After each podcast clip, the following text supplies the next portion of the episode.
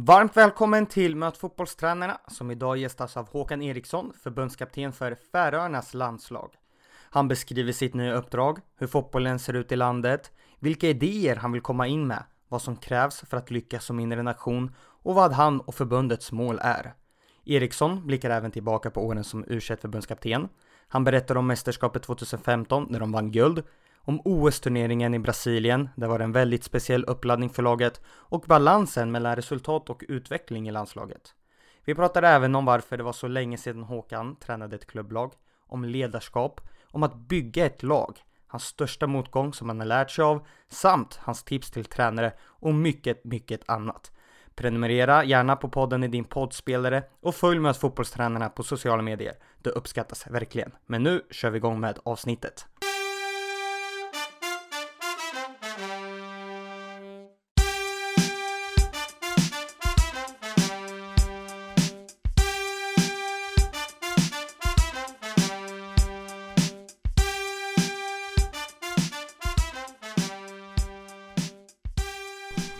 Ålder? 59. Familj? Fru Lotta, två barn, Lovisa och Jakob. Bor? Åby utanför Norrköping och Stockholm kan jag säga, pendlar däremellan. Men huvud, huvudsätet är Stock Åby utanför Norrköping. Bästa spelaren du har tränat? Den där har jag fått några gånger. Ehm, jag har varit på samma plan som Zlatan brukar jag säga. Jag kan inte säga att jag har tränat honom, men jag har varit med vid två mästerskap och det är klart, han är outstanding. Hade också en spelare i AIK som heter Vadim Jevtusjenko som var också en, en, en väldigt speciell klass på. Favoritlag? Ehm, jag säger nog Norrköping i alla fall. Förebild? Förebild har varit flera stycken, men eh, i början var det Sven-Göran Eriksson. Eh, och det är det fortfarande naturligtvis, men eh, också Stuart Baxter. Båda har varit med i din podd, vilket är roligt. Eh, just nu så är jag väldigt sugen på att eh, utforska mer om Jürgen Klopp. Har du haft möjlighet att eh, träffa honom någon gång? Jürgen Klopp? Nej, tyvärr. Det är en sån där grej som jag, som jag har kvar och skulle vilja göra. Men de andra två är jag som väl träffat flera gånger. Naturgräs eller konstgräs? Absolut gräs. Kostym eller träningsoverall på match? Ja, jag gillar nog mera kostymstuket. Det, det ska vara fest när det är match tycker jag. Vad gör du på match då? Försöker alltid få in ett... Eh, nu refererar jag ju ofta till, till landslag då, i och med att det det jag har haft sista sju åren. Men ett, ett, ett rejält träningspass på, på förmiddagen. Eh, och sen ehm, eh, har en tid för mig själv, minst på en timme, där jag går igenom matchen i mitt huvud. Det är de två viktiga sakerna jag försöker att få in när jag inte liksom är med spelarna och övriga ledare. Favoritsyssla utanför fotbollen? Ah, jag försöker att spela golf. Även om jag inte är så bra, men jag tycker det är roligt. Eh, men också i egen motion. Och sen har man hus, hus och, och trädgård så blir det mycket att man, man jobbar där också.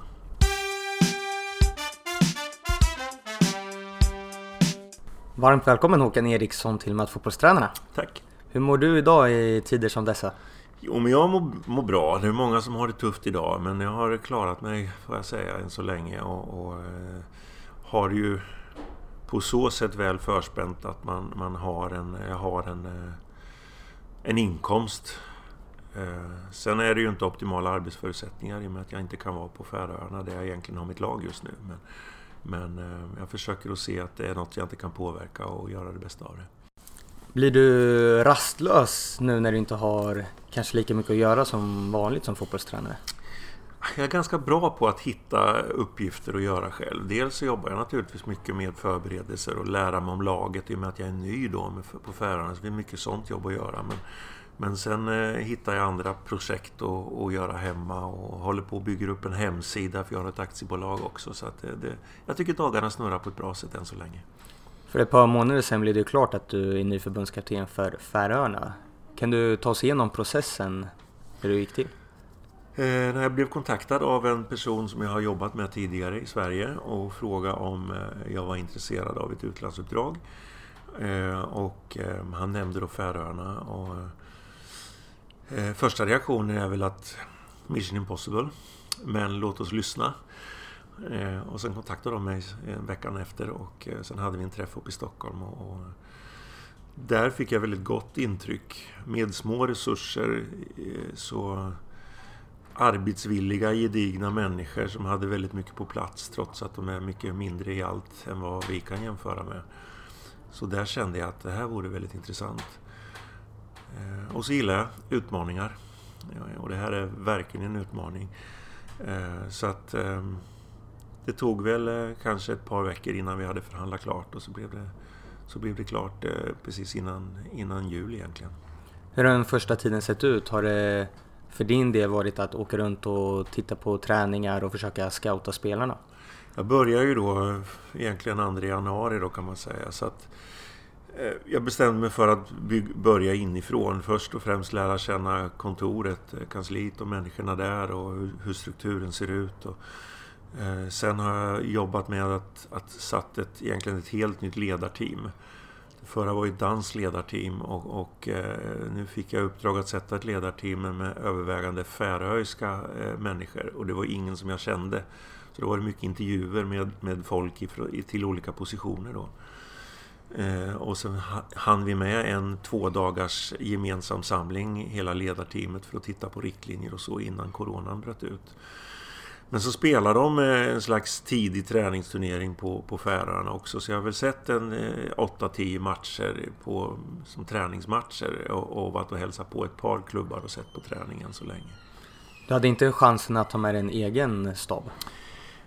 Nej, eh, hade jag kanske om jag hade stått på mig väldigt mycket. Men det var en överenskommelse vid första mötet att de har en ambition att inte bygga ett team som sen bara drar därifrån utan de vill bygga sin kompetens. Så vi gick, eh, jag, jag accepterade det direkt men eh, jag har också fått ändå möjlighet att ta med två stycken från Sverige.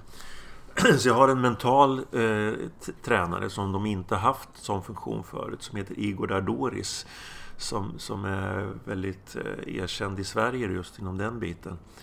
Plus en fysioterapeut som är Rickard Dahan som har jobbat runt A-landslaget ganska, ganska länge och har sin klinik i Malmö och jag tycker det var också bra att kunna skicka spelare dit ifrån Färöarna för det går ju flyg på två timmar dit. Så att, eh, de två är svenskar men resten är färöiskt folk.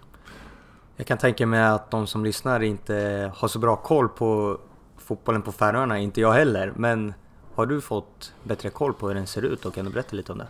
Ja, det kan jag göra. Sen tycker jag att med två månaders inskolning så, så, så, har jag väldigt, egentligen än så länge, väldigt vaga bilder av hur det ser ut. Men eh, man kan väl titta på förutsättningarna som kan vara intressanta då och säga att sista landskampen mötte de ju Sverige, sista tävlingskampen mötte de i Sverige i Nations League. Och då var det 13 inhemska spelare med i truppen och resten då var utlandet. Så ungefär hälften då spelar fortfarande på Färöarna. Och en fotbollsspelare på Färöarna jobbar heltid. Allt ifrån att vara eh, kontorister till IT-tekniker till att vara fiskare, hantverkare och så vidare. Och sen åker de och tränar, ungefär som vi hade i Sverige för 30 år sedan. Ehm, under försäsongen här så har de då jobbat med att ligga på mellan 6 och 8 pass. Så ibland så har de då styrkepass på morgonen från halv sju till halv åtta eh, serverar en frukost vid åtta och sen så åker spelarna och jobbar och sen är de tillbaks vid halv sex på kvällen igen och kommer tillbaks och kört ett fotbollspass. Eh, de träningar jag har sett har varit minst i 10 sekundmeter upp till 20 sekundmeter. 1-2 plusgrader. Eh, regn från sidan de flesta gångerna. Spelarna tränar i kortbyxor. Tuffa killar alltså. Så att, eh, så att det, attityden är, tror jag, fantastiskt bra. Men sen är det klart att, eh, att leva som en professionell fotbollsspelare när man inte är det är ju svårt. Så jag ser väl vissa problem med eh, återhämtningsfaser, eh, kosten, hur den sköts på ett proffsigt sätt och sådär. Så det är en enorm utmaning att, att eh, försöka få till det, att, att bli professionell i sitt levnadssätt fast man inte är professionell.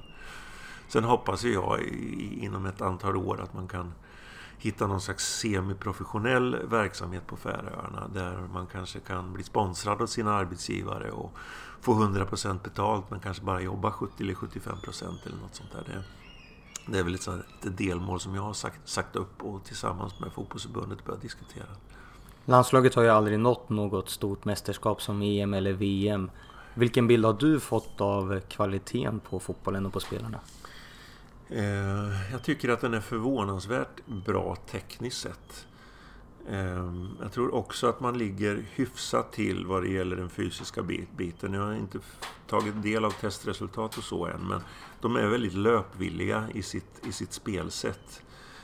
Eh, sen kanske det saknas, tycker jag, då, en del i eh, medvetenhet om fotbollsspelet, eh, spelförståelsen och kanske då lite värderingar, modet. Eh, blir stress, I alla fall på landslagsnivå så tycker jag att man blir lite för mycket stressad i sitt anfallsspel som gör att man får väldigt korta anfall och väldigt lite bollinnehav på motståndarnas planhalva. Så det, det är någonting som jag hoppas att, att kunna utveckla till viss del. I era samtal och förhandlingar, vad var det du ville komma med inför idéer till landslaget? Vad vill de ha utav dig? De vill eh, egentligen ha ett, ett tänk där man eh, möter den, den moderna fotbollen men tar då viss hänsyn till eh, alltså, vilka styrkor man har i kulturen i Färöarna. Så där försöker vi hitta en mix då, med att kunna spela en eh, hyfsad kontrollerad fotboll med ett visst passningsspel, ett visst bollinnehav och med kontroll. Men också utnyttja den här attityden som finns att eh, man går på allt, man kämpar 94 minuter, man eh, är beredd att, att ta löpningar på omöjliga bollar och så vidare. Så man hittar en mix av de två. Det, det håller vi på att jobba med och därför har jag mycket hjälp av mina, mina tränare då som jag har som är färöiska, som kan den färöiska kulturen ordentligt. Så det, det, vill jag ägna mest tid åt nu, att sitta och diskutera olika detaljer i spelet, hur vi ska hitta den här mixen. När det kommer till just spelet, har du bestämt dig för någon slags spelidé som du kommer försöka implementera eller kommer det komma smygande samling för samling när man lär känna spelarna? Jag har en, eh, en, en, ganska tydlig mall hur jag vill att det skulle se ut. Och den håller jag som sagt på att mixa nu med de andra ledarna. Men så måste man alltid som tränare, tycker jag, vara flexibel och se hur, hur svarar spelarna på de här idéerna. Och eh, när man väl bestämmer sig för en, en, en, en grund eh, 11 eller kanske 15 spelare. Vad har de för spetskvaliteter och hur utnyttjar man dem bäst? Och då måste man alltid justera lite i sin, i sin spelidé. Men ramverket är satt och, och det finns, jag jobbar ju mycket med principer i, i, i min spelidé och där tror jag att, att en hel del av de principer som jag har använt de sista åren med U21 är överförbara även i, på Färöarna. Kan du berätta några av de här? ja, eh, fotbollen är ju jäkligt komplex. Det innehåller så oerhört många situationer så att det, det går liksom inte att det går inte att beskriva hur varje situation ska eh, hanteras för då blir det en telefonkatalog brukar jag säga. Så istället jobba med enkla principer då. Och som ett exempel i försvarsspelet så får man bestämma sig för om jag, har ett, om jag måste göra ett val. Är det viktigare att försvara ytan framför mig eller bakom mig? Bestämmer jag mig att ytan framför mig är viktigast, då måste du spela ett, ett strikt markeringsförsvar. Tycker jag att en rättvänd spelare framför mig är mindre farlig än en rättvänd spelare bakom mig. Då får jag värdera att försvara ytan bakom mig. Och i min värld då så spelar man ett positionsförsvar. Och det är någonting som jag tänker att införa mera tydligt och eh, försöka införa mera tydligt i Färöarna att spela ett mer positionsförsvar. Och då blir det en princip, försvara ytan viktigare än att försvara ytan bakom. Eh, I anfallsspelet så har jag tittat otroligt mycket på eh, typen av passningar. Och eh, det är ju något jag ofta pratar om, men jag, står för det. Jag, menar att en, en diagonal passning generellt sett är överlägsen en rak passning. För det sätter den nya bollhållaren i en mycket bättre position. Man kan ha en annan kroppsvinkel, man kan vara halvt rättvänd istället för att vara helt rättvänd och kanske ha markering i ryggen.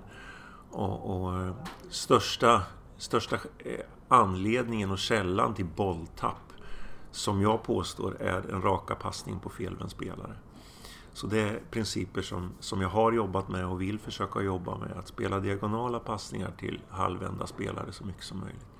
Det är några typer av principer och det gäller egentligen över hela plan. Och då blir, då blir varje situation... Kan man lösa varje situation genom att diskutera hur uppfyllde vi de här principerna? Sen finns det alltid skillnader, situationer som uppstår på en plan som gör att du måste frångå principerna. Men, men slags 80-20-regel, i 80% av fallen så gör vi så här. Så tror jag man kommer ganska långt. Vad tror du kommer krävas för er som en ganska liten nation att spela för typ av fotboll? Ja, eh, dels att vara då väldigt samlade och kompakta i vårt försvarsspel. Det tror jag är enormt viktigt. Va? Att, att, att minimera en mot en situationer. För det, det utgår jag från att motståndarna är individuellt skickligare på de flesta händer och fötter. Men kan man göra det som ett kollektiv och kan man eh, framförallt som jag har sett på Färöarna hittills kunna flytta upp det kompakta försvarsspelet 10 till 12 meter så kommer man att kunna eh, undvika en hel del enkla mål som man har släppt in. Eh, sen anfallsspelet, som sagt, det återstår att se hur pass skickliga vi kan vara, hur pass modiga vi kan vara. Och jag tror att man också måste utnyttja motståndarens, eh, vad ska jag säga, kan jag tänka mig lite nonchalans när man möter, för, möter Färöarna. Tittar man på matcher så ligger man ofta kvar med kanske bara två spelare i balans istället för tre spelare. Och, och, och, där tror jag man har en chans att kunna då slå om snabbt och sätta tidiga djupa bollar exempelvis i ett kontringsläge. Eh, men när vi väl har ett etablerat anfall, anfallsspel då, då hoppas jag att vi ska kunna med vissa principer och med lite mera mod också kunna besitta en viss, ett visst bollinnehav. För det är en nödvändighet om vi ska kunna få upp tillräckligt mycket folk i avslutsposition och skapa mer målchanser än vad man har gjort historiskt sett. I arbetet med ett lag har jag läst om att du jobbar med någonting som du kallar för processen. Mm. Kan du berätta vad det är för någonting? det är väldigt enkelt egentligen, men det är ju att man har en, eh, sätter upp en målbild och gör en analys. Hur har det sett ut och vad vill vi exempelvis det närmsta året eller vad vill vi framförallt med nästa match? Och utifrån det så skapar man en, en arbetsbeskrivning eller i fotbollen pratar vi om en, en gameplan så att säga, göra en matchplan.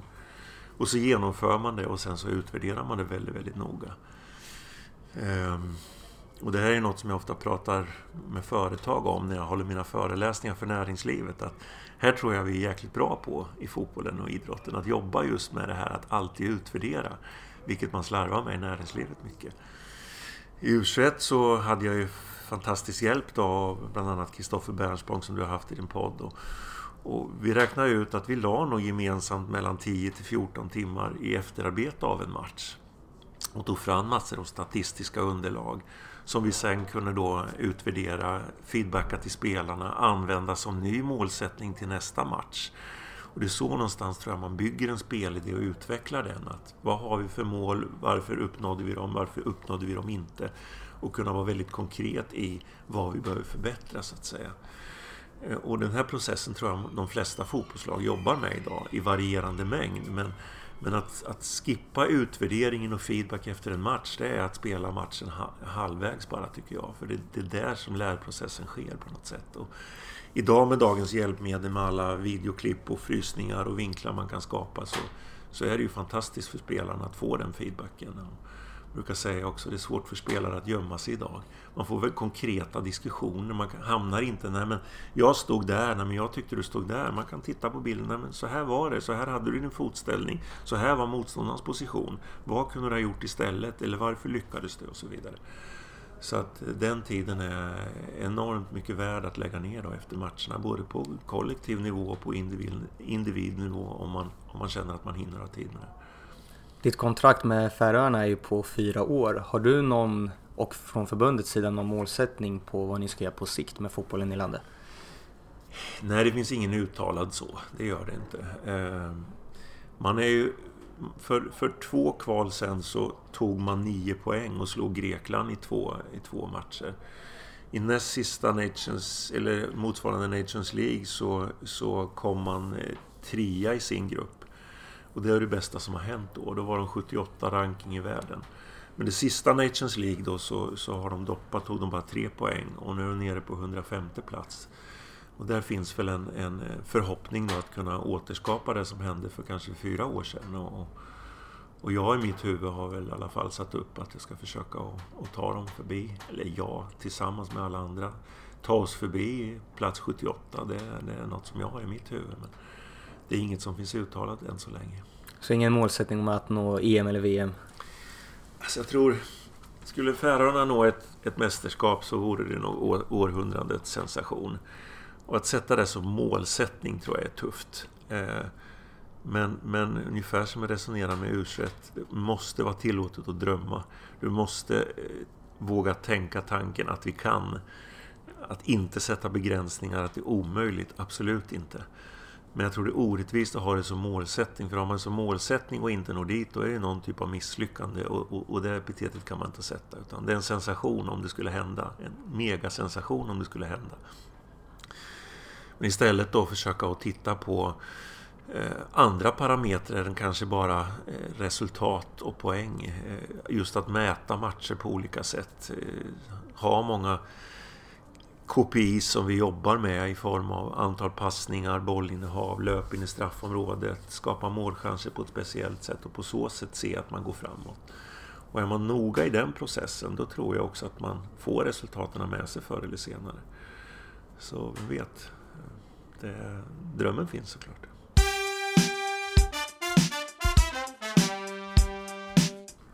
Som de flesta har koll på så var det ju förbundskapten för u landslaget mellan 2011 och 2017. Hur skulle du vilja beskriva de åren när du tittar tillbaka? Väldigt, väldigt roliga. Ehm, som med allt annat, enormt mycket arbete såklart. Men ehm, nästan bara ehm, energi. Jag hade varit utan lag i sju år när jag tog U21. Jag tränade i IFK Norrköping, fick sparken därifrån. Eh, var inte så het på marknaden, hade gått in i väggen ett par år tidigare. Jobbade på Örebro universitet med tränarutbildning. Jobbade med Svenska fotbollsförbundets tränarutbildning. Byggde upp den tillsammans med en arbetsgrupp. Gick från 30 till 85 utbildningsdagar. Mycket fotboll. Eh, mycket idéer som funnits i mitt huvud som jag fick testa mot duktiga medarbetare. Eh, satt en hel del av den terminologi som finns idag i den här nya tränarutbildningen. Då. Så helt uppslukad av det. Men sen kändes det när jag skulle starta upp sist, tredje kullen av provtränare att nej, jag ska nog eh, jag ska nog tillbaka till tränarjobbet igen. Dels för att få påfyllning. Dels kanske känna de jag utbildat. Ja, kanske kände att förtroendet kanske började svikta lite. Det var så länge sedan jag hade varit tränare då. Dessutom sparken det sista jag hade fått. Och då hade jag, hade jag fått ryckt in på U21 2009 när man, eh, när man hade EM på hemmaplan. Och Jörgen och, och, och, och Tommy Söderberg, Jörgen Lennartsson, förberedde ju laget inför EM. Men så skulle man ju kvala på hösten. Då startade vi upp ett, ett U21 eh, som jag fick ta hand om i fyra matcher, som sen skulle kvala. Och jag kände, wow, det här vill jag göra. Så någonstans inom mig så bestämde jag mig, jag ska försöka bli U21 förbundskapten. Men det är ju inget man söker till. Men jag fick till slut frågan och vi var fyra stycken som kom på en intervju och det här om det här jobbet. Och eh, jag fick det då. Eh, och det var ett sånt där jobb som när jag fick frågan så tog det en och en halv sekund. Jag bara skrek ja, jag vill ha det. Så det var jättehäftigt och, och sugen att börja sätta allt det här man har jobbat med teoretiskt då i Örebro på tränarutbildningen i praktiken och prova det. Sen blir det ju en chock när man har varit klubbtränare i hela sitt liv och kliva över till ett landslag. För då förstår man ju hur minimalt med tid man har att påverka laget. Du har liksom tre dagar på dig inför nästa match. Och det som var jobbigt med U21 under hela perioden egentligen, det var att vi hade så enormt mycket återbud. Eh, av olika anledningar som jag inte riktigt kan peka på, mer än att spelarna säkert var väldigt hårt belastade i ett tufft spelschema i Sverige och med de bästa klubbarna även visst Europaspel. Men också kanske en, kan vi känna, en liten eh, känsla av att vissa klubbar inte tyckte att det var så roligt att släppa sina spelare till u De ville hellre ha dem hemma i träning eller att få återhämta sig och rehabba sina skador. Så det var det tuffaste jobbet, att ta fight mot en del klubbar, att verkligen få loss de spelare som jag hade rätt till. Så vi räknade ut där att vi hade en återbudssnitt på mellan 5 till 7 spelare efter var, varje eh, samling. Liksom. Och för att ta EM-laget e som ett exempel så, så eh, startade vi en enda match med samma laguppställning på två och ett halvt år. Och det var mellan semifinalen och finalen. Och det var ju extremt frustrerande i början. Eh, men, men lärde mig så småningom att acceptera. Det här kan du inte påverka. Att inte skicka signaler till spelarna att, att eh, vi kommer inte ha någon chans. Utan det är ni som är här som vi kan jobba med. Och det tror jag var den största lärdomen för mig under de här åren. Eh, ur ett mentalt perspektiv framför allt. Eh, men första årskullen var väl lite bökig. Jag hittade mitt upplägg och, och, och, i ett nytt upplägg hamnar man inte alltid rätt. Jag kanske var lite för ambitiös i form av träningsupplägg, i form av teorier och det var lite gnissel i den gruppen. Men, men eh, vi fick till slut, tycker jag, ihop en, en bra grupp där och hade en väldigt bra lagkapten i Gilan Hamad som som hjälpte mig på, på vägen väldigt mycket där. Eh, och facit på de här tre åren med u är att vi vann faktiskt alla våra kval. Eh, både med de som var födda 90 som max, 92 och 94. Och med två gick vi till mästerskap då. Eh, 92-orna vann EM-guld, vilket aldrig har hänt. Och 94-orna gick ju till EM utan... Eh, och, och, gick till EM obesegrade fast vi hade Spanien och Kroatien i gruppen. Så det här växte ju fram som ett, som ett sätt att jobba, hur vi jobbade där med, med ökat självförtroende både hos spelare som såg att det var möjligt, hos oss ledare som blev mer och mer trygga i vårt sätt att, att, att jobba. Då. Ehm, jobba med första året med Tommy Söderberg som assisterande förbundskapten. Och med all hans erfarenhet så hjälpte han mig väldigt mycket in i, i landslagets tänk. Ehm, och Tommy har sina förtjänster och, och, och, brister liksom jag har. Och det tog ett tag kanske innan vi hittade varandras arbetssätt där. Men, men det blev bra till slut. Men så valde Tommy att sluta då och, och då fick jag välja min, min egen assisterande förbundskapten. Då, och då hade jag hittat Andreas Pettersson eh, som inte många kände eller kanske känner till. Som bodde uppe i Luleå och alla ställen. Men, men jag hade sett honom jobba på plan. Jag hade sett honom scoutat våra motståndare som han hade blivit inbjuden till. Så kände jag att det här är en nivå som, som jag inte har träffat på i Sverige förut. Och det samarbete som vi startade eh, ihop då med flera andra ledare, bland annat Kristoffer Bernspång då, som, som skötte all videoanalys och Leif Troedsson som är inte bara en målvaktstränare, en väldigt kunnig eh, fotbollsanalytiker han också, så, så tog vi det här framåt på ett väldigt bra sätt. Vi eh, Hitta delar i spelet som, som vi utvecklar, vi hittar principer att jobba efter, vi hittar hjälpmedel. Bland annat som många jobbar med idag, de här olika korridorerna som man delar in anfallsspelet i. Det var, kom mycket från eh, våra diskussioner och kanske från början från Andreas huvud. som gjorde att det var väldigt tydligt att instruera även i anfallsspelet. Och, och, det var en, eh, en väldigt spännande resa. Så att jag kände nog när jag slutade 2017 att jag har nog aldrig varit bättre som, som tränare än vad jag, vad jag var just då. För jag tyckte mycket av sakerna faller på plats. Och det säger nog något om tränarjobbet tror jag. För då hade jag säkert i alla fall 35 år bakom mig. Liksom. Som förbundskapten för det äldsta ungdomslandslaget, vad är viktigt i den rollen där det både handlar om att utveckla spelarna men även göra resultat?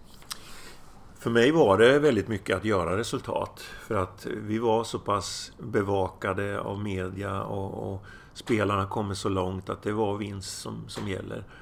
Um, sen klart att man har ett längre perspektiv att titta på vilka spelare som man kanske i, i längden tror blir A-landslagsspelare. Men, men, sånt är också väldigt svårt att förutse. För upptäckten jag gjorde då eh, var att det händer enormt mycket på ett halvår med spelare i den åldern. Det har väldigt mycket att göra vilket mod de kommer i, framförallt vilket förtroende de har i klubbarna och vilket klubbval de har gjort. En del stannar ju av helt i karriären för att man, man inte får speltid eller inte får spela på rätt position eller inte blir sedd på det sättet som kanske är optimalt för dem. En del klarar inte den hårda press, både mentalt och fysiskt, som det är att spela elitfotboll idag. Med mycket matcher och med, med, med som sagt ständig press och, och, och bli bedömd. Eh, och en del som man tycker kanske är medioker, som man ger förtroende, som kanske får förtroende i en klubb och helt plötsligt får speltid, exploderar. Och på ett halvår så vet knappt från första stund någon vem den är och sen så ska han, han in i landslaget eh, sex månader senare. Och det är ganska självklart att han ska där, för det har hänt så mycket. Så jag jobbar nog mycket med att vad är bäst för tillfället? Vad passar den här motståndaren och vad passar i vår spelidé? Eh, och en del i det här kom också att vi började dela upp spelarnas grundbeteenden egentligen. För den lilla tid man har i ett landslag så måste du ha en förmåga att kunna omvandla teori till praktik. Vi hinner inte att träna på allting. Och de här spelarna då som kunde ta till sig en spelidé, som kunde ta till sig en matchplan genom ett kort träningspass eller kanske bara en teoretisk genomgång. De hade vi mycket nytta av. Och de kallar vi för kontinuitetsspelare. De som man visste aldrig föll ramen och som ofta var bra eller mycket bra. Och sen hade vi de här rubrikspelarna som mest ville spela på intuition. Som inte kunde ta särskilt mycket taktiska råd men som å andra sidan kunde göra fantastiska saker. De eh, benämnde vi rubrikspelare och, och, gjorde en sån överenskommelse i ledarteamet här att mot bättre motståndare så kan vi inte starta med någon rubrikspelare. För det kostar laget för mycket om vi inte har 11 spelare som jobbar precis på det sätt som vi är överens om. Men däremot så kan man vara avgörare på bänken och komma in och avgöra matcher när vi måste chansa. De kan också vara startspelare i, i, i lag, mot lag med, med, lägre rang där vi har råd att göra lite misstag, där vi kommer att ha ett stort bollinnehav och så vidare. Och det blev en viktig, viktig distinktion att, att vi tittar på hur många rubrikspelare har vi råd att ha med i truppen. Och det innebar att en, ibland fick en del av dem som man tycker att hade fantastisk talang, de fick inte plats för den kvoten var full av andra. Och det var en hel del kritik emot naturligtvis, men det var ett, det var ett arbetssätt som vi valde att jobba efter och, och, och som vi tyckte vi fick bra utfall på. u EM 2015 så vann ju Sverige. Hur minns du kvällen under finalen när ni vann på straffar mot Portugal? Jag har sagt efteråt, jag tror man måste, jag tror man måste träna på att vinna Eh, mästerskap för att kunna vara närvarande. Den kvällen kändes det inte som att jag var närvarande. I alla fall inte när slutsignalen gick och straffarna kom. Det är som ett, det är som ett eh, dunkel på något sätt. Det kändes som att jag var någon annanstans och satt och tittade på. Det gick inte att ta in riktigt. Eh, så jag skulle gärna uppleva det igen. Däremot dagen efter när man hade smält intrycken och, när vi kom till Kungsan och så, då, då kändes det som att man var närvarande och verkligen kunde njuta.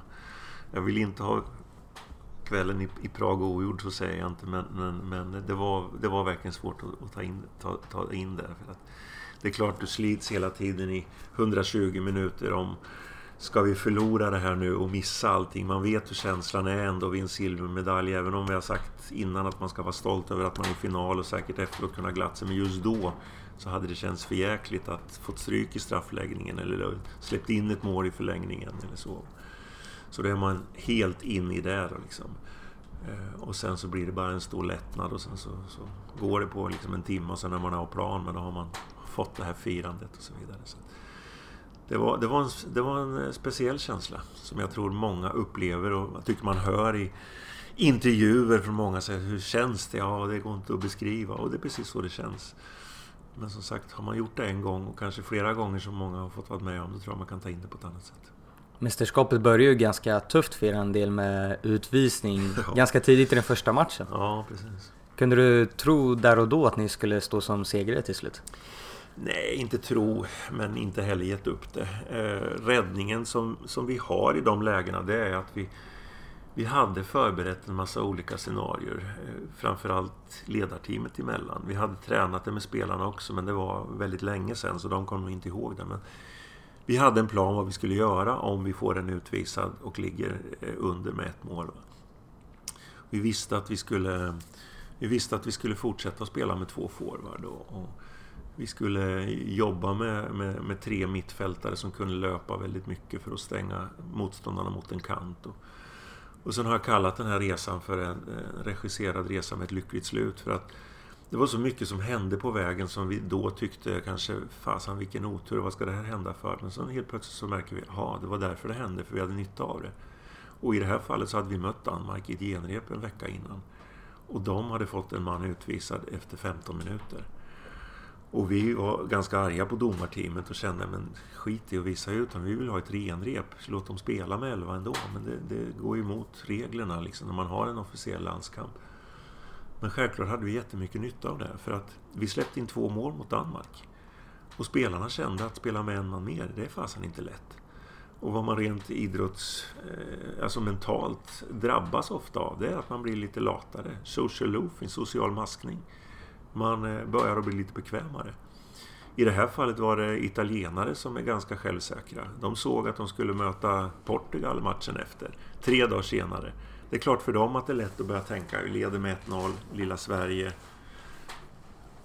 Vi sparar energi. Och den kunde vi ta upp med spelarna och få dem att fatta, fan, vi har en chans här. De tror att det här är klart. Och så hade vi naturligtvis fantastiska spelare som, som tog det här jobbet. Och, eh, Victor Nilsson Lindelöf hade gjort en minut i U21-landslaget tidigare, varit skadad på två läger. Spelar mittback i ett reservlag i Benfica. Går in och spelar högerback första gången på fem år. Och blir turneringens lirare. Han kommer in i halvtid mot Italien.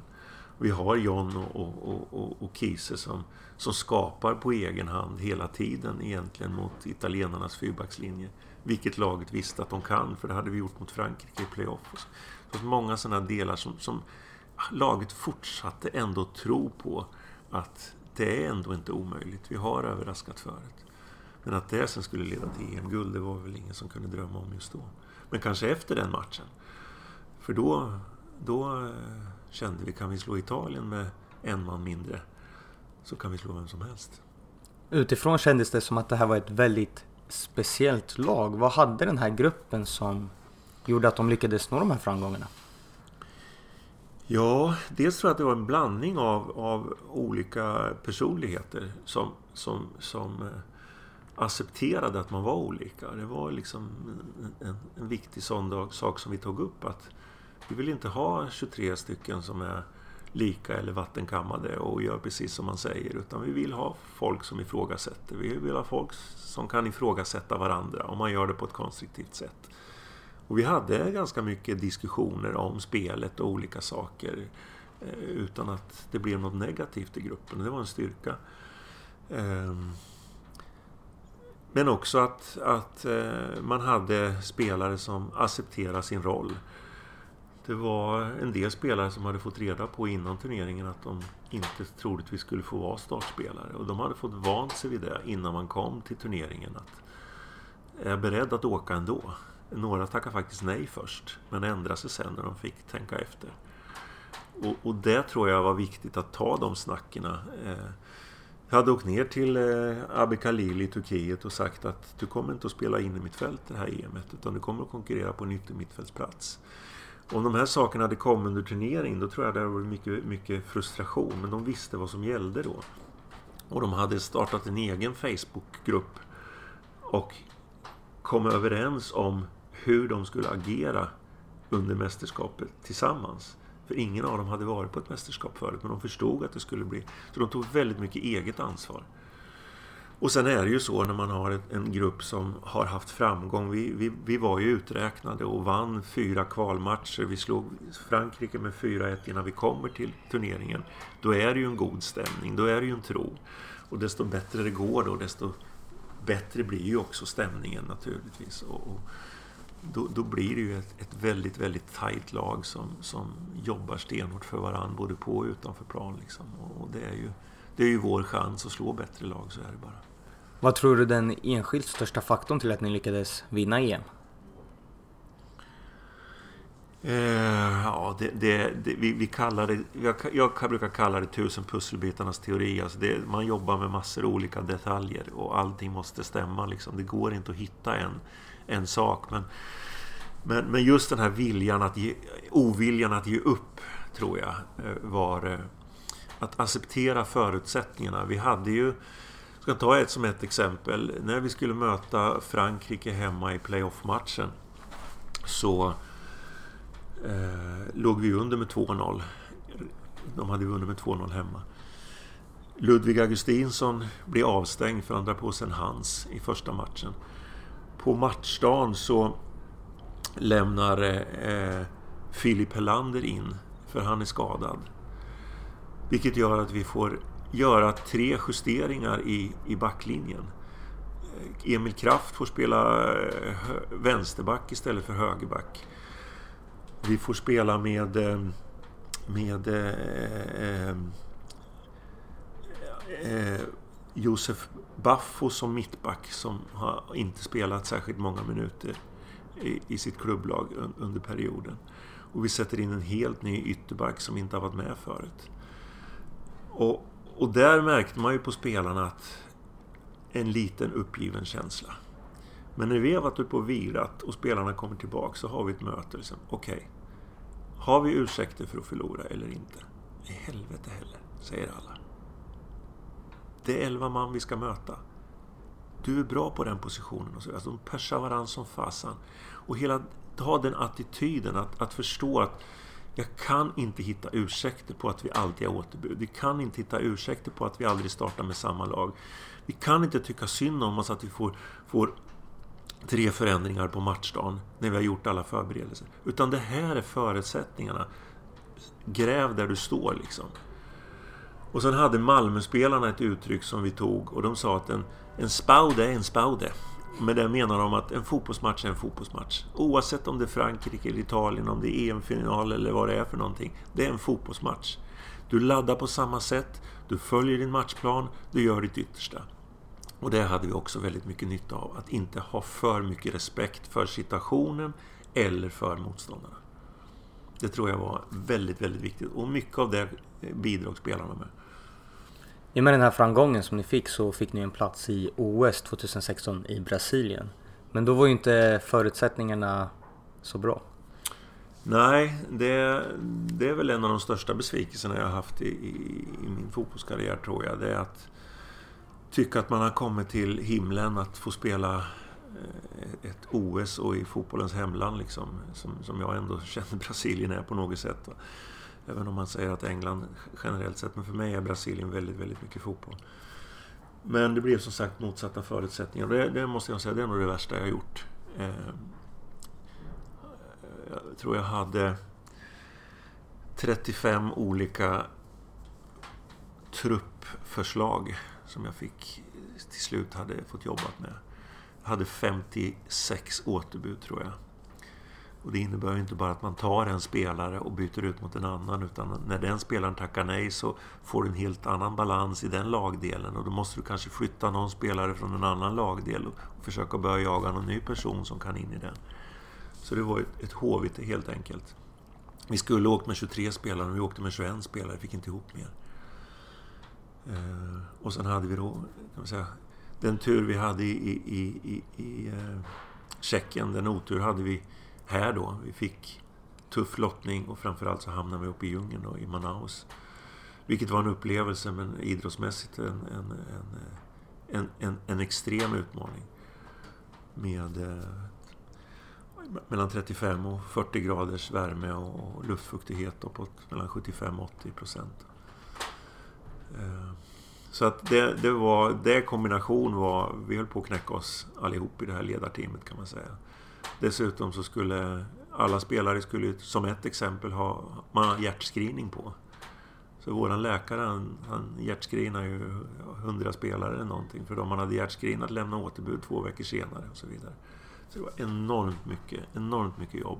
Och sen hur förbereder man sig mot det här då? Vi, vi jobbar med tog, tog, tog, reda på väldigt mycket, försökte jobba med kylvästar och kylkepsar och, och drack speciell buljong och allt sånt här för att återställa saltbalans och, och så vidare. Men, men det gick inte.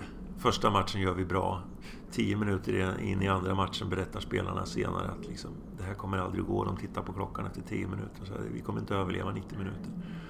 Vi fick bara stryk med 1-0 mot Nigeria och 1-0 mot Japan, men vi var helt, helt borta ur de två matcherna. Spelade 2-2 mot Colombia första matchen och göra en bra match där. Problemet med OS är ju att klubbarna behöver inte släppa sina spelare. Mm. Tycker du det är någonting man behöver förändra för att höja statusen på OS-turneringen? Ja, jag är väldigt rak och säger att, att eh, OS och, och herrfotboll hör, hör inte ihop med de reglerna som är nu. Eh, antingen får man ta ner det och göra det till en ungdomsturnering som vi vet att de får loss spelarna eller också så får man se till att det är Fifa-datum, annars ska man inte ha något, något sånt mästerskap för det är ingen som, ingen som tjänar på. Det är inte bara vi som hade de problemen såklart. Eh, vissa, vissa länder hade ju lite lättare då med att kunna eh, justera sin egen liga när man har många spelare som spelar i sin egen liga. Då kan man ju lägga ligan efter det. Då. Men i vårt fall så, så, så, gick ju inte det utan det var många som var utomlands också. Så att, och allsvenskan valde att inte ta uppehåll vilket var en, en, en strid som jag försökte att driva emot mot SEF då, men, men det var för mycket ekonomiska konsekvenser av det. Då. Så att eh, det var, ja, det var inget roligt men det är överspelat nu som är det. Hur försökte du bygga någon slags spelidé när du fick nej från spelare till både höger och vänster? Vi hade, vi hade en träning och så spelade vi ett genrep eh, mot Sydkorea. Och sen hade vi två träningar till och sen var det match. Första matchen hade vi inte fått ner Mikael Ishak för han hade en match att spela i, i, i Danmark. Så då valde vi att spela 4-3-3. Vi hade egentligen ingen ren forward. Astrita Darevic fick spela nia där då. Men sen när, när ehm, eh, Mikael Ishak kom ner då gick vi ändå över och spelade ett slags 4-4-2 med, med eh, Astrid som, som mera en tia och, och, och Isak som tia. Då hade vi en, en träning på oss då. I 40, eller 35 grader värme var det då, så vi gick egentligen bara i positioner. Så vi, vi jobbar med våra principer såklart. Men, och vi satt, i, i Tjeckien hade vi haft som tanke, vi ska springa mest om alla lag. Och i, i ehm, i OS så sa vi vi kommer inte att kunna springa mest av alla lag mot Colombia, Nigeria och Japan som, som är mera vana vid den värmen. Vi kan passa mest av alla lag, det var vår idé. Vi vann faktiskt bollinnehavet i, i två av de tre matcherna. Men en, någon match var nog mest på egen planhalva tyvärr. Men det var ett sätt att, att sätta någon mental bild. Att, att, och vi hade ganska mycket bollsäkra spelare som var med. Vi trodde att vi skulle kunna nå det målet, men vi skapade för lite helt enkelt. Hade ni mycket teori för att spelarna skulle förstå? Ja, det var som vanligt att vi hade ett teoripass om dagen eh, och gick igenom det. Och en del av spelarna hade ju varit med i u så de kände ju igen det såklart. Eh, så där hade vi ju på så sätt ganska väl förspänt om det. Det var ju, man kunde inte ha några riktiga träningar utan vi stod i positioner och så, så pratade vi teoretiskt ute på plan och så spelade vi kanske 10-12 minuter men sen kunde vi inte mer för då var de helt dränerade. 2017 kvalade ni in till u EM igen. Men vad var din motivation till att fortsätta fast ni hade vunnit guld två år innan? Ja, men den var lite rolig för att den... Återigen det här hur man, hur man kan vända mentala saker. Då. Vi, vi fick ju Spanien i våran grupp då. I våran kvalgrupp. Och det kändes ju sådär fast man hade vunnit EM-guld och så... så eh, vi, var en, vi, var, vi var inte rankade i första... Vi var inte första sidesrankade. För det var gamla resultat tidigare som spelade in och det kändes jäkligt orättvist och därför fick vi ju Spanien. Men då hittade vi en, en, en morot där, framförallt först på ledarteamet. Att liksom, ja, men nu har vi ju spelat ett EM och vi var inte riktigt nöjda med våra eh, KPIs under EM. Vi hade för lite, framförallt passnings, för låg passningsprocent tyckte vi. Vi spelade lite för mycket långt spel mot vad vi egentligen ville göra. Och, och, försvara oss kanske lite mer än vad vi helst vill göra. Men det berodde ju naturligtvis väldigt mycket på motståndet.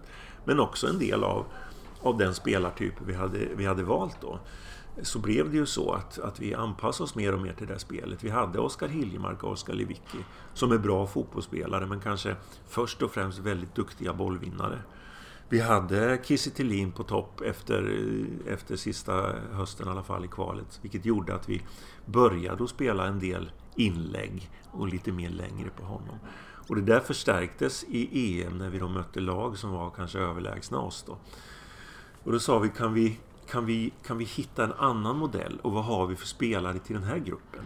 Och då hade vi Kristoffer Olsson som var mogen. Vi hade Melker Hallberg, vi hade Mujo Tankovic, vi hade bröderna Gustafsson. Som, som gjorde att här har vi möjlighet att spela kanske en mer bollbesittande fotboll. Och hur motiverar vi spelarna att inte bara försvara ett guld? Jo, vi måste hitta ett sätt att göra på, som, som kanske normalt sett svenska landslag inte gör.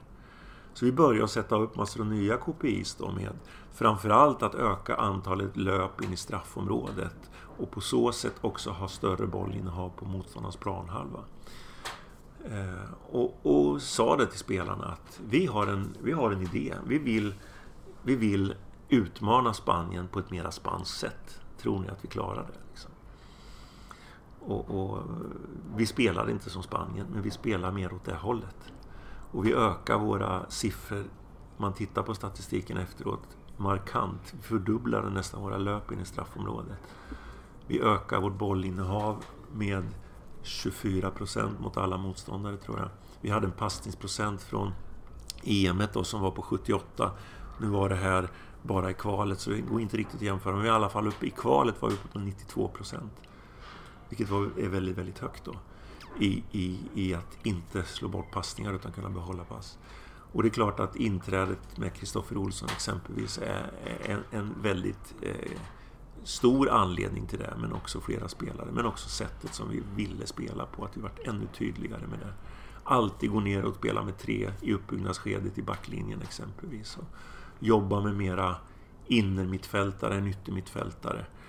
Eh, att våga ta oss genom spelyta till spelyta innan vi, vi tog det avslutet. Att komma till avslut mer via, via cutbacks eller snett inåt bak då, istället för inlägg och så vidare.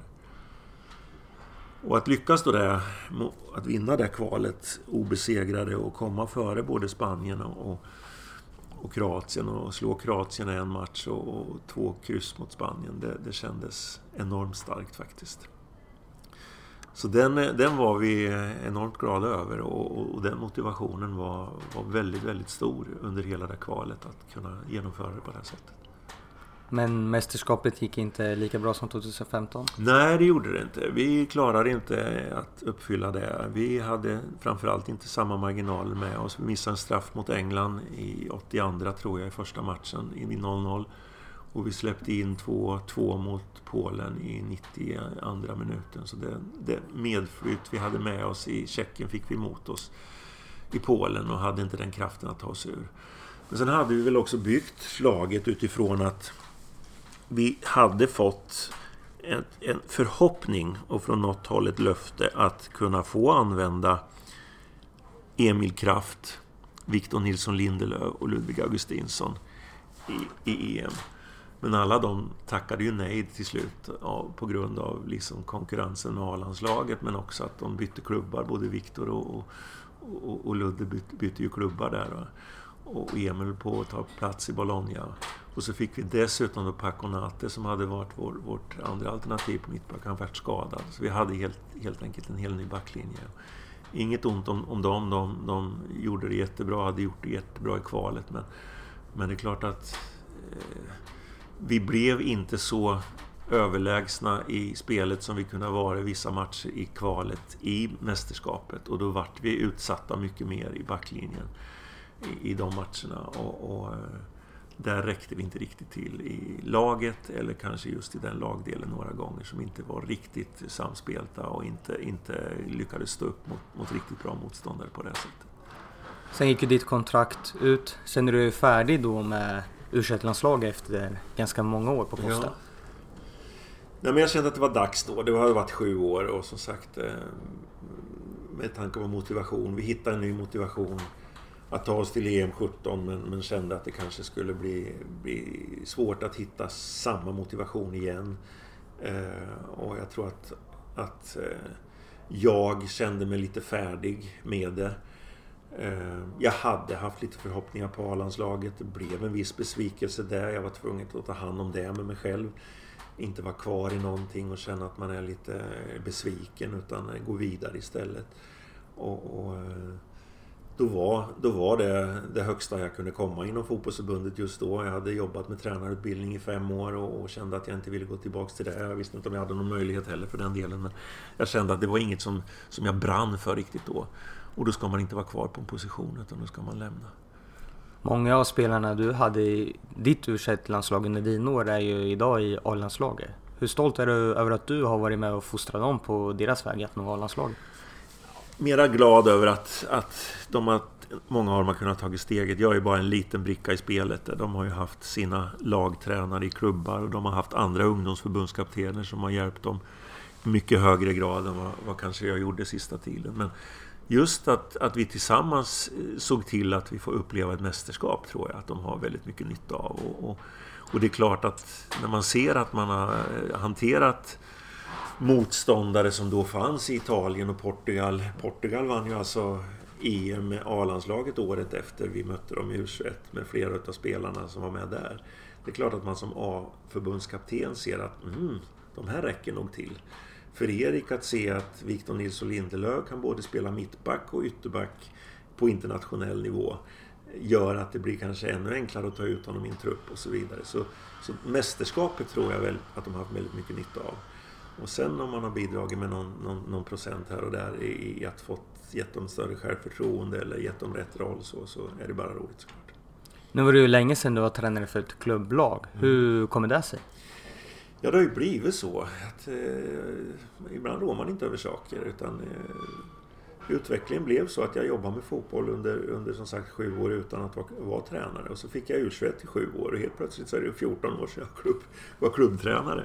Och då kanske en del blir rädda av att det var länge sedan jag var klubbtränare och är han bra på det eller inte? Så att, det är väl kanske en anledning.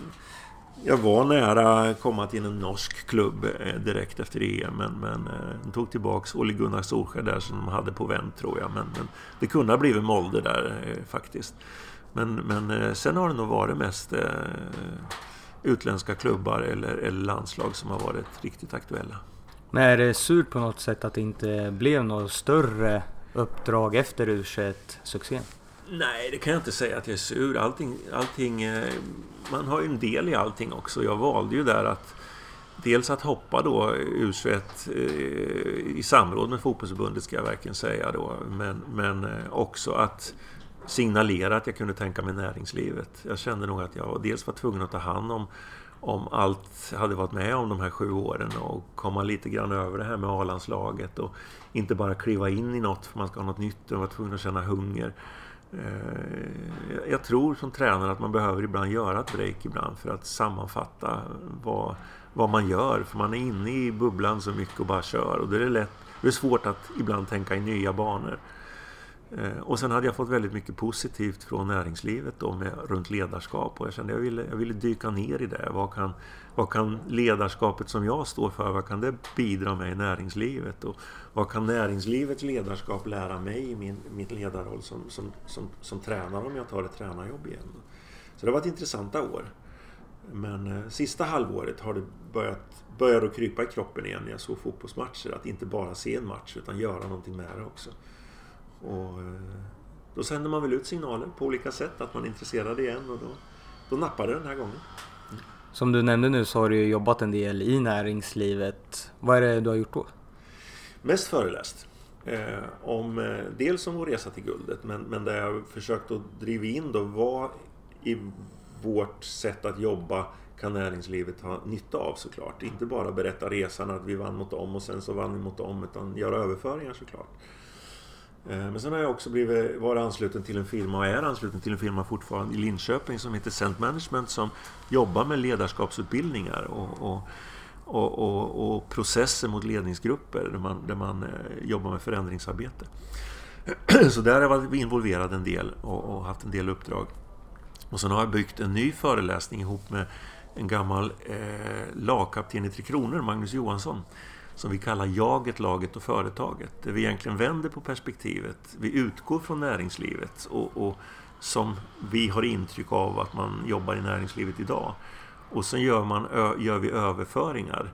Hur vi har upplevt motsvarande saker i, i, i idrotten och löst det på det sättet. Vilket typ av ledarskap vi har haft. Då. jag som ledare och Magnus som spelare då. Jag menar ur ett kollektivt perspektiv och Magnus som ett individuellt perspektiv. Och sen har jag faktiskt utmanat och stackt ut hakan och lite sagt att jag tror att det krävs ett nytt ledarskap idag. För ni 90-talister och miljonister tänker på ett annat sätt. Eh, ni tänker inte laget först, utan ni tänker jaget först. What's in it for me är den första frågan som, som jag måste besvara som ledare till dig idag. Och får jag med dig på kroken då, och du känner wow, det här kan jag ha nytta av. Men om vi ska lyckas så kanske jag behöver hjälp. Då behöver jag hjälp av mina medarbetare i mitt lag. Då kan man börja prata om laget. Men det här med laget före jaget som man har haft som ett mantra under alla år har jag faktiskt eh, ifrågasatt väldigt mycket de sista åren och ändrat på. Och, därför så får man som spelare när man kom till U21 Vi har två mål med vårt uppdrag. Det ena är att ta oss i EM-slutspel. Men framförallt ska vi se till att du hamnar i A-landslaget. Och så har inte jag tänkt förut, utan då har det bara varit laget och klubben. Men, men eh, där tror jag att, att man har mycket att lära i näringslivet idag. Att förstå att du behöver se individen på alla arbetsplatser idag. Och har du då ansvar för 30, 40, 50 pers på din avdelning så går inte det. Utan du måste vara teamledare som kanske har hand om 8-10 personer. Så du hinner att se och jobba ur ett individuellt perspektiv. Vad är dina drivkrafter? Vad vill du? Vad är du bäst på? Och hur kan vi få nytta av dina drivkrafter i vårt företag? Så det är, någonting som har blivit, eh, som jag har fått ganska mycket uppdrag genom att prata om. Så att säga. Hur viktigt tror du det är som tränare idag, det ledarskapsmässiga kontra det taktiska? Min egen utveckling har varit, och den lärde jag mig faktiskt av Tommy Söderberg, måste jag ge honom kredit. När han sa det första gången så, så tänkte jag, nej men det där håller inte jag med riktigt om. Med om riktigt. Men jag är ju 10 eller 12 år yngre än Tommy. Eh, han sa att vi, hade, vi gick i IH båda två. Då var det väldigt mycket humanbiologi, väldigt mycket fysiologi. Väldigt mycket av fotbollsträningen då var att hitta rätt träningsmodeller och, och, och, och så. Väldigt mycket upptagen av, av intervaller och belastning på matcher och sådär. Sen kommer nästa fas då man förstår att mitt spelsystem slår inte alla andra spelsystem. Utan det finns andra tränare som gör på annat sätt och lyckas lika bra eller ännu bättre. Och då börjar man att flytta saltkar och pepparkarn på, på borden och, så där, och, och jämföra 4-4-2 mot 4-3-3 och allt sånt där. Och då hade man en lång period och var helt upptagen i ja, egentligen spelmodeller, eh, utgångspositioner. Men desto längre det går så känner man också, spelar ingen roll hur duktig du är i fysiologi, hur duktig du är i det taktiska. Om du inte kan få spelarna, människorna med dig, om du inte kan vinna förtroende hos dem, om du inte kan sitta och ha ett mänskligt samtal, om du inte kan instruera på ett sätt som just passar den individen, då spelar inte det någon roll för du får ändå inte ihop det. Och då blir ledarskapet enormt viktigt. Du kan inte vara utan de andra två, men ledarskapet är botten i att kunna lyckas med individer och lag. Men det inser, har jag insett mera på äldre dagar Tommy hade ganska re samma resa och, och, därför så har jag tänkt på det flera gånger efteråt. Han hade rätt den jäkeln. I alla fall min position. Min, eh, eh, eh, från, från, min synvinkel så är det så. Sen tror jag inte alla upplever det så. Men för mig har det varit väldigt tydligt att det varit så. Och där någonstans tror jag att jag har då utvecklat mig som mest de sista tio åren. Då, att, att jag förstått vikten av ledarskapet.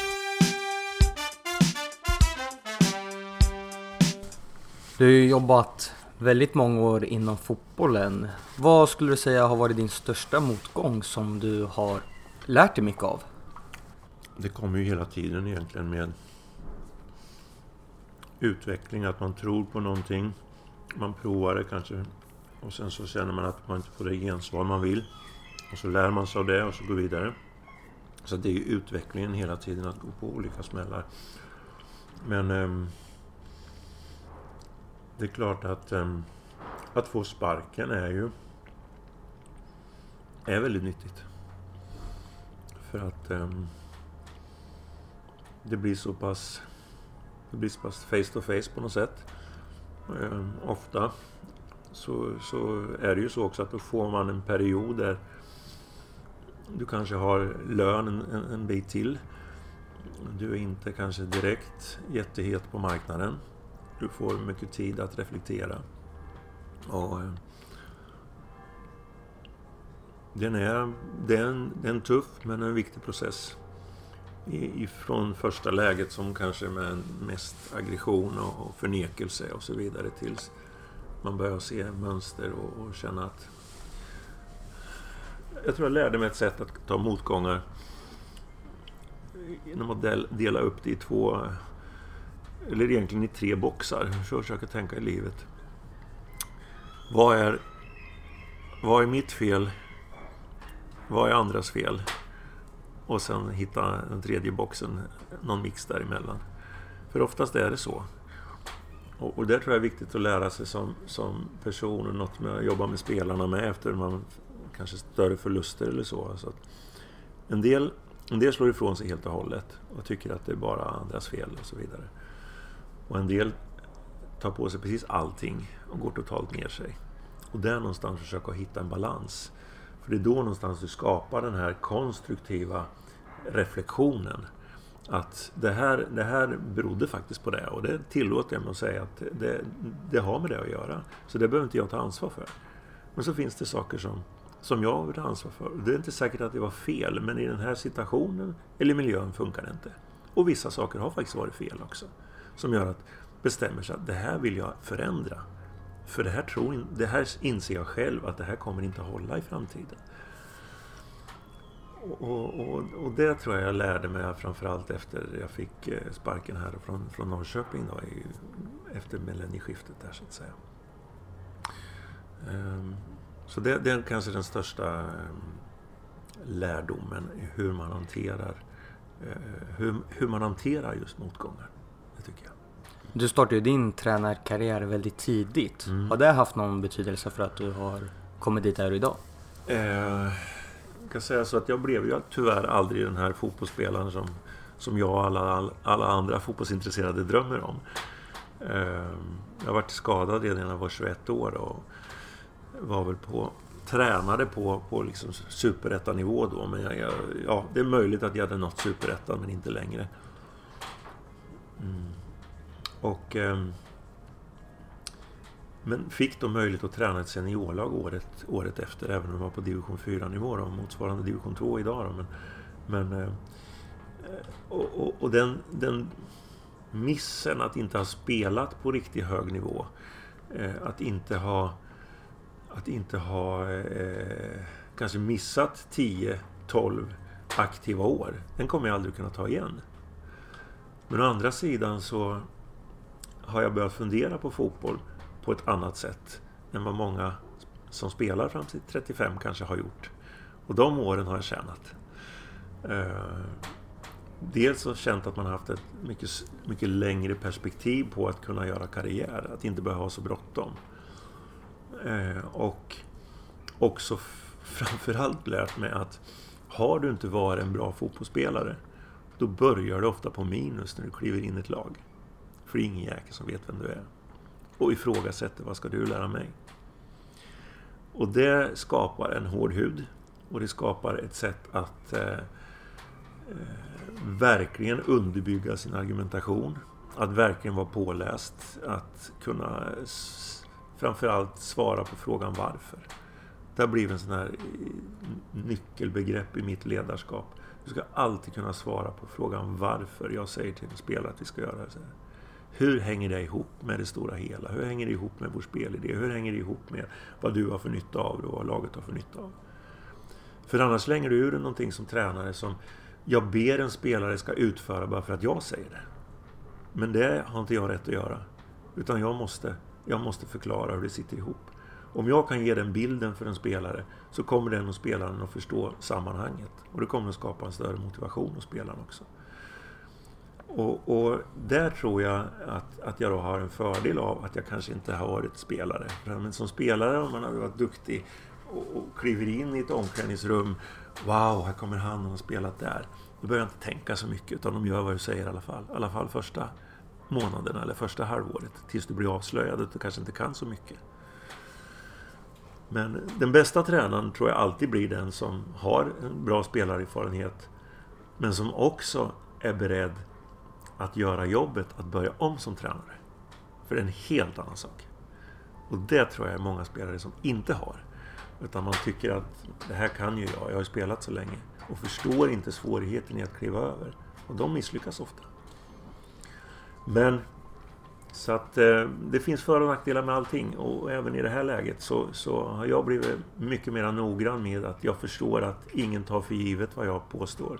Utan jag måste hela tiden övertyga, eh, förklara, eh, vinna mitt förtroende. Vad har du för tips till tränare som du skulle vilja dela med dig av? Dels så tror jag det är det här med, med eh, att hela tiden sätta saker i ett sammanhang. Eh, nu var det väl ett tag sedan. Tidigare fick jag väl, framförallt när jag jobbade på fotbollsförbundet, fick jag väldigt mycket frågan Har du några övningar? Och jag sa, börja inte med övningar. Börja med vad vill du göra? Vad vill du se? Vad vill du se i spelet? Vad vill du förbättra till nästa match? Vad ska du då träna den här veckan? Många av övningar som jag även har gjort i u har jag aldrig kört förut. För just den här veckan, behöver vi, eller den här matchen behöver vi det här till. Skapa en övning. För den övningen gör du inifrån. Den har du, kan du svara på alla frågor egentligen, varför vi gör. För du har redan tänkt vad nyttan ska vara, exempelvis till nästa match eller vår spelidé. Ungdomsträning naturligtvis annorlunda. Där har du inte liksom matchen som fokus men, men du har en utbildningsplan kanske som fokus. Gör mycket egna övningar utifrån vad du tror att det här laget behöver och, och vad du tror på. Eh, och det utvecklar dig själv väldigt mycket att tänka i nya banor istället för att bara plagiera någonting. Och den andra delen är att det finns ingen mall hur du ska vara som tränare. Utan du är en individ. Du har dina egenskaper som ledare. En del är väldigt talföra, en del är mera tystlåtna. Gör det bästa av dig och våga vara den du är så mycket som möjligt. När man är ute och tittar på, som, som jag i alla fall har varit, och hoppas man gör fortfarande idag när man är ung tränare, att man är runt och tittar på många tränare så är det lätt att man kommer hem och blir förblindad. Åh, så här gör inte jag och jag gör nog fel och så börjar man anpassa sig efter hur den andra gör. Men ta det viktigaste. Vad är det bästa som den här tränaren gör? Och vad är det bästa som den här tränaren gör? Och hur skulle det passa mig? Hur skulle det passa mitt lag? På så sätt skapar du hela tiden ditt original istället för att bara ta kopior av andra. Och, och ehm, den, den, den tror jag är... Det finns så väldigt många fotbollstränare i Sverige idag som inte är fotbollstränare, men som tycker man är fotbollstränare. Det är det som är så härligt med fotboll, för alla, nästan alla tycker att man kan fotboll. Och ofta uttrycker man sig väldigt självklart, att så här är det, vet du, och så här såg den där matchen ut, och han borde göra så, och så vidare. Men skapa din egen modell. Så att du inte blir ett vindflöje, för då är du illa ute. Det finns inget värre än att misslyckas med e-, e-, ett lag om du har gjort någonting som en, någon annan har tyckt att du ska ha gjort. Men att misslyckas med någonting som du själv har trott på, det skapar bara en utveckling egentligen. Och, och, och där är det väldigt lätt idag att bli, bli påverkad och, av allt flöde som är runt fotbollen idag. Många som uttalar sig vara experter Många är väldigt kunniga, men många är väldigt kunniga på det ytliga planet. Alltså, var spelar den spelaren då? Hur många matcher har man vunnit? Och vad kostar den övergången? Och så vidare. Men det är ju industrin fotboll. Men det är inte produkten fotboll. Utan produkten fotboll handlar ju om att se samband, hur saker och ting hänger ihop. Eh, att bli konsekvent om du spelar på det sättet. det, vad, vad, vad missar du då? För fotbollen täcker inte, alltså ett spelsystem täcker inte alla delar. När du spelar på ett sätt så vinner du vissa delar och förlorar vissa delar. Och jobba med det tankemönstret hela tiden. Vad är jag beredd att försaka för att vinna nästa del? Och då börjar du spela fotbollens schack och det är då du kommer på djupet i fotbollen. Så det skulle jag ägna mycket tid ut som, som ung fotbollstränare idag. Diskutera med andra, titta på fotbollsmatcher, försöka se detaljer i spelet, fundera på vad tror jag på egentligen. Vilken tränare skulle du vilja lyssna på i podden? Just nu är jag väldigt sugen på Jon Dahl Tomasson. Som jag inte känner, aldrig träffat, eh, bara tyckt alltid varit en, en, en härlig eh, individ när han blev intervjuad som fotbollsspelare. Var en fantastisk fotbollsspelare. Har en ganska kort tränarkarriär och får ta över ett sånt eh, utsatt lag som Malmö med alla krav som finns. Det skulle vara jätteintressant att veta mer om hans ledarskap och fotbollsfilosofi. Och dessutom kommer och försöker att implementera en fotboll som är ganska olik den som föregående tränare har haft. Är det klubbens mening eller är det hans mening? Allt sånt skulle vara intressant att få reda på. Så försök gärna få tag i honom. Stort tack Håkan att du tog dig tid och lycka till med Färöarna. Du är grym Daniel. Jag vill uppmärksamma och verkligen höja ditt initiativ att göra det här. Så eh, på kort tid fått så många, många intressanta namn. Det är starkt. Stort tack.